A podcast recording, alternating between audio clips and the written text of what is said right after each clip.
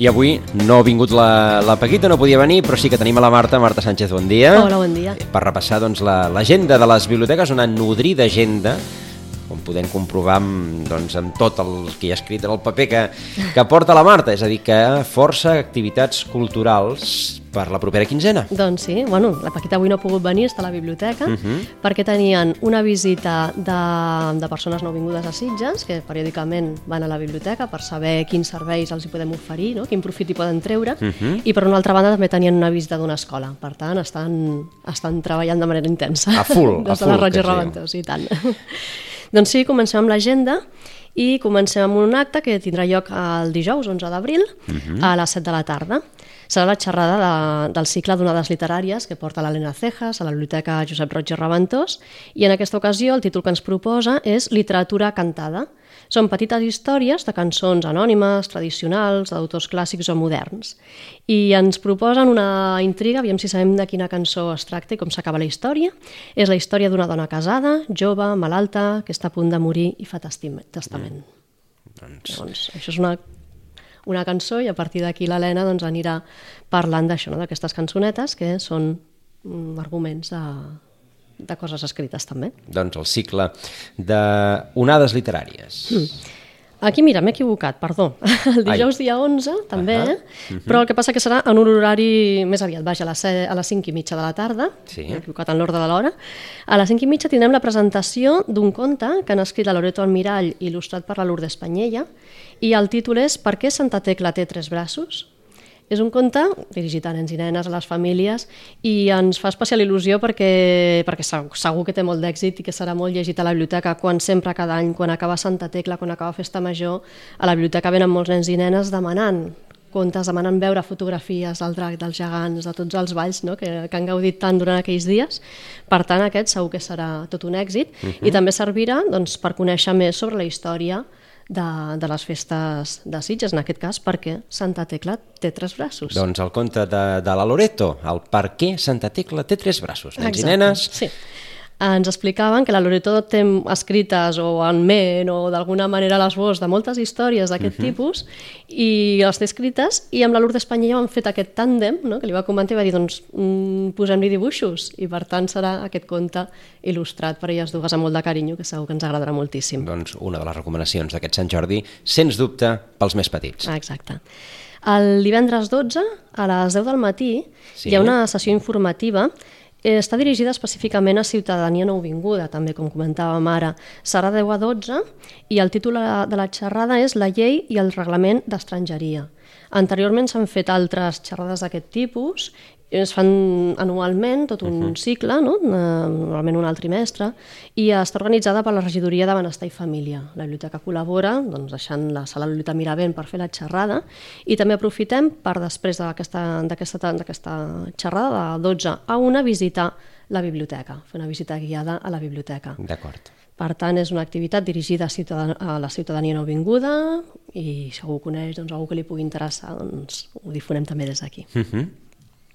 El divendres 12, a dos quarts de set, a la Biblioteca Santiago Rossinyol, tenim la Mònica Esgustovà, una escriptora mm, que viu a Sitges, conegudíssima. Sobradament coneguda. Sobradament coneguda, tant com a novel·lista com a traductora, i per tant sempre és un plaer que torni a la biblioteca a explicar-nos coses de les novel·les que va escrivint. En aquest cas, aquesta activitat s'emmarca dins del programa Lletres en Viu, uh mhm. -huh. que és de la Institució de les Lletres Catalanes, i ens ofereix a les biblioteques la possibilitat de tenir un cop l'any un escriptor o una escriptora que es pugui trobar amb els seus lectors o lectores, tant si s'han fet clubs de lectura com si no. Recomana que sigui un dels autors que prèviament s'han llegit els llibres en els clubs de lectura. Sí. I aquest és el nostre cas. La, el seu darrer llibre, que es diu La intrusa, retrat íntim de Gala Dalí, serà el protagonista d'un dels clubs de lectura que dirigeix la Carme Rei Granger i Carme Rei Granger també doncs, serà qui portarà la presentació d'aquesta trobada amb la Mònica Esgustova. Bé, en van parlar eh, d'aquest llibre amb la, amb la Mònica també. Mm -hmm. Mm -hmm. Això serà el divendres 12 a dos quarts de set. D'acord. El dimarts 16, uh -huh. de setmana, també a dos quarts de set, a la Biblioteca Santiago Rossinyol, tenim una proposta diferent. Uh -huh. Es titula Charloteando, homenatge a Charles Chaplin. Just aquest dia, el dimarts 16, es compleixen 130 anys del naixement d'aquest gran actor, de Charles Chaplin, del Charlotte, uh -huh. i també doncs, hem volgut mm, bueno, doncs, jugar no? amb, amb, amb, amb cinema, amb un cinema clàssic, divertidíssim, i en fi, doncs, tot un referent no? en, el, en el món del cinema. És un espectacle sobre la vida i les creacions del Charles Chaplin a, Carla, a càrrec de Carlos Olartoquechea. Ell és actor i utilitzen diversos recursos, tant la narració com la música, com imatges de diferents fragments de diferents pel·lícules del Charlotte, que segur, segur, segur que, que riurem perquè és que és veure'l i, i això no passa mai de moda perquè uh -huh. és qualitat. Doncs contínuament esquitxats amb humor, tots aquests diversos recursos es aniran engranant i formen part doncs, d'aquest doncs, homenatge, d'aquest espectacle homenatge que es diu Charloteando. D'acord, doncs un espectacle al voltant de la figura de Charles Chaplin. Uh -huh. Uh -huh.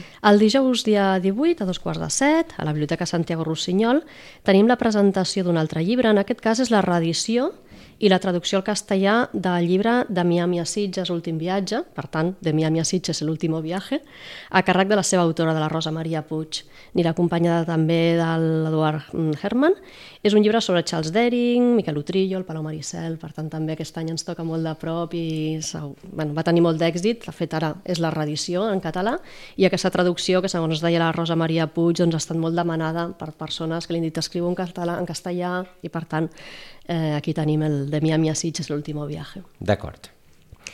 El... Ah, i arribem a Sant Jordi, el I arribem 23. a Sant Jordi, que aquest Sant Jordi estrany, perquè cau just a l'acabar la Setmana Santa i serà el dimarts, de, Exacte, de, després sí. de, de, de dilluns de, de Pasqua. Mm -hmm. així que... Sí, sí, sí, ens ha agafat així com a... Bueno, no? que et fa córrer més per preparar uh -huh. les coses i tenir-ho tot a punt. Um, les biblioteques de Sitges, com cada any, coordinem la signatura dels llibres dels autors locals, que han sí. escrit llibres des del darrer Sant Jordi, juntament amb la regidoria de Cultura, i per tant oferim una hora en aquests autors i autores, aquests escriptors, perquè puguin signar els seus llibres, estar en contacte amb els lectors, amb la gent que passeja, viure, viure la festa també des de dins, no? de, de, signant les seves, les seves obres. Després, al vespre, Tin, volem fer una trobada amb tots aquests autors i autores, encara que hagin vingut a signar a les 11 del matí o a les 7 de la tarda, però que tinguem una estoneta també per parlar amb ells, per fer balanç, per fer una copeta de cava, juntament amb tothom, evidentment, que els vulgui acompanyar. Ells uh -huh. estaran encantats també de tenir una trobada i poder parlar cara a cara amb els lectors, usuaris de la biblioteca, en fi, és una, una trobada oberta a tothom, però que comptarem amb la presència d'alguns dels, dels autors i les autores que hauran estat signant durant el dia. D'acord, doncs eh, tot això durant les nombrosíssimes moltíssimes activitats que tindran lloc d'aquí a 15 dies, quan sigui uh -huh. la, la Diada de Sant Jordi. Exacte. I repassem així de manera ràpida alguns dels autors, els escriptors que ens, ens han confirmat la seva presència durant el dia, que ja anirem concretant les hores en què, en què signaran. Uh -huh. Tindrem a la Cèlia Sánchez Mústic signant La gota negra, la Montserrat Figueres amb el seu llibre Pinzellades d'infantesa i joventut, que és una obra autobiogràfica, va presentar a la biblioteca també, la Loreta Mirall i la Lourdes Espanyella, amb el perquè Santa Tecla té tres braços, el Joanill, amb un tom per casa, el Blei Fontanals, amb la seva obra sobre la destrucció de l'art sacre sitgetà, uh -huh. el Josep Maria Tubau, amb la seva obra sobre l'Enriqueta Gallinard, la Blanca Planella, amb les subhastes dels Baix Populars, la Rosa Maria Puig presentarà aquesta traducció al castellà que dèiem, de Miami a Sitges, El último viaje, o la Concha García amb el seu llibre El gran tesoro, que forma part d'aquestes històries de Sofia, amb nens i nenes que tenen discapacitats o malalties. O... I estem pendents també de concretar el, la presència dels autors i il·lustradors que han col·laborat amb el llibre Mirades de Sitges, que és una obra conjunta, doncs això, no? un text amb una il·lustració. Estem uh mhm. -huh. acabant de concretar qui podrà venir i en, quin, en quines franges. Serà d'11 del matí fins a 2 pel matí i de 4 fins a les 8. En franges d'una hora cadascun, doncs tindrem uh mhm. -huh. tots aquestes Com sempre, baix al passeig, sí, exacte, sí, sí, la format habitual. Sí, a la parada de l'Ajuntament, uh mhm. -huh. doncs allà estarem. D'acord, doncs eh, això són les, eh, les propostes per la propera quinzena, una, una quinzena que, que bàsicament es basa en aquesta setmana i principis de la que ve, després hi ha la uh -huh. Setmana Santa, però després hi ha Sant Jordi. Exacte, o sigui que, sí, sí, sí. I també com cada abril comença la Marató de Lectura ah. de sortida, en aquest cas hi ha la vintena marató de lectura. Déu-n'hi-do. Sí, sí, sí. Um, la idea va sortir a la Biblioteca i Reventós fa uns quants anys i sempre ha tingut, ha tingut molt bona acollida aquesta activitat. És una activitat de foment de la lectura per nens i nenes fins a 12 anys, no? serien els de primària, de, de, de primer a sisè de primària, però s'ha convertit en una activitat, bé, s'ha convertit no, ja era aquest el seu objectiu, que fos una activitat familiar, perquè si els pares no porten els nens a la biblioteca, si no els ajuden a fer les tries, si no estan acompanyant-los en tota aquesta marató, en tota aquesta cursa, és, és complicat que, que es pugui fer. Uh -huh. Es tracta, com sempre, d'un repte, si seran capaços de llegir vuit llibres durant el mes de maig. Per tant, ara, durant el mes d'abril, són les inscripcions, tothom qui vulgui s'hi pot apuntar, i a partir del mes de maig, tots els llibres que agafin en préstec, tant una biblioteca com a l'altra, aniran sumant en aquesta, aniran sumant passes en, a, en aquesta marató de lectura. D'acord, doncs marató de lectura que hi ha sobre i per tant els nens i nenes interessats amb, el, amb els pares i les mares a la Biblioteca Roig i Reventós. Exacte, es poden apuntar a les dues, A les dues biblioteques. biblioteques. Sí, sí, uh Mhm. -huh. farem, també tindrem el llibròmetre a les dues biblioteques i la festa final sí que es farà a la Roig i Reventós i com sempre hi haurà el repartiment de diplomes als superlectors i superlectores, els que hagin assolit uh Mhm. -huh. aquest repte, hi haurà una hora del conte especial i obsequis per tothom. Perfecte. Mhm. És d'aquestes coses que dius, com que funcionen, no canvien massa el Sí, format, eh? sí, sí, sí, sí, perquè van, a més a més, com els nens es van renovant, oi? Sí, doncs ja, I cada cop agafen llibres doncs, de, més, de més entitat. i tant, i tant, i tant, sempre és diferent.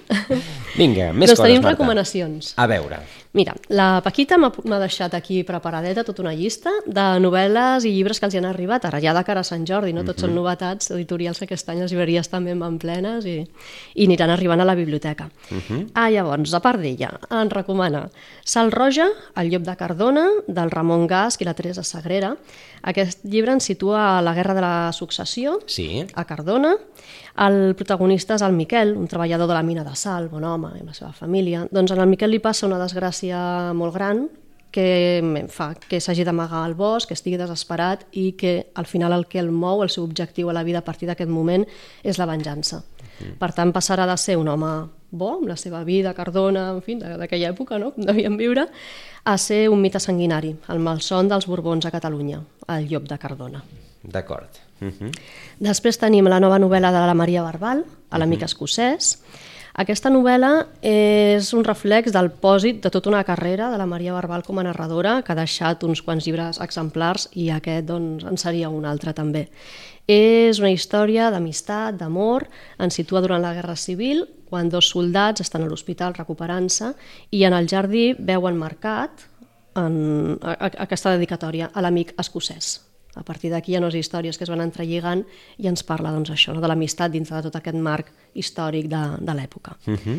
Tenim un recull de contes del Pere Caldés, són els contes complets de, de Pere Caldés en una edició il·lustrada per l'Ignasi Font, molt, molt maca, i aquí doncs apleguen els dos, en dos volums tots els contes de Pere Caldés, val la pena sempre rellegir-los perquè sempre també són actuals. Els contes de Calders no, no, perden, no què perden. va, gens.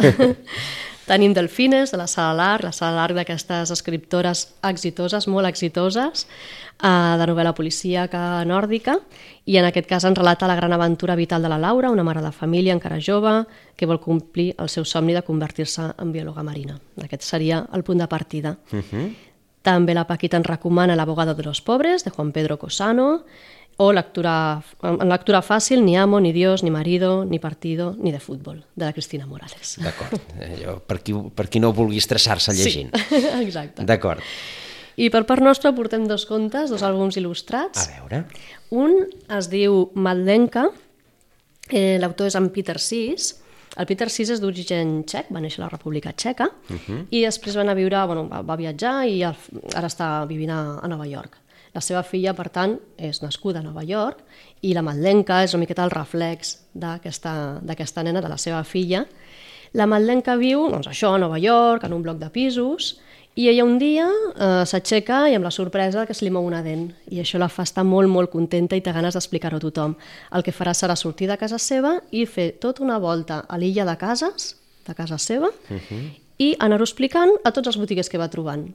Aquests botiguers són de diferents llocs del món, per tant, ella anirà explicant que se li mou la dent, però també anirà recollint les felicitacions d'aquests difer diferents personatges, una història diferent de cada, de cada país d'origen d'aquestes persones, i amb aquest llibre anem fent el recorregut al voltant d'aquesta illa de cases que al final serà com un recorregut pel món, una volta al món partint doncs, de, no, de la pastisseria d'un francès, de la botiga de verdures, del quiosc, en fi, cadascú li fa una pinzellada del seu origen. I ja se n'adona que, sense sortir quasi, quasi del, del seu entorn més proper, en realitat ha fet tota la volta al món. És un reflex del que és Nova York, realment.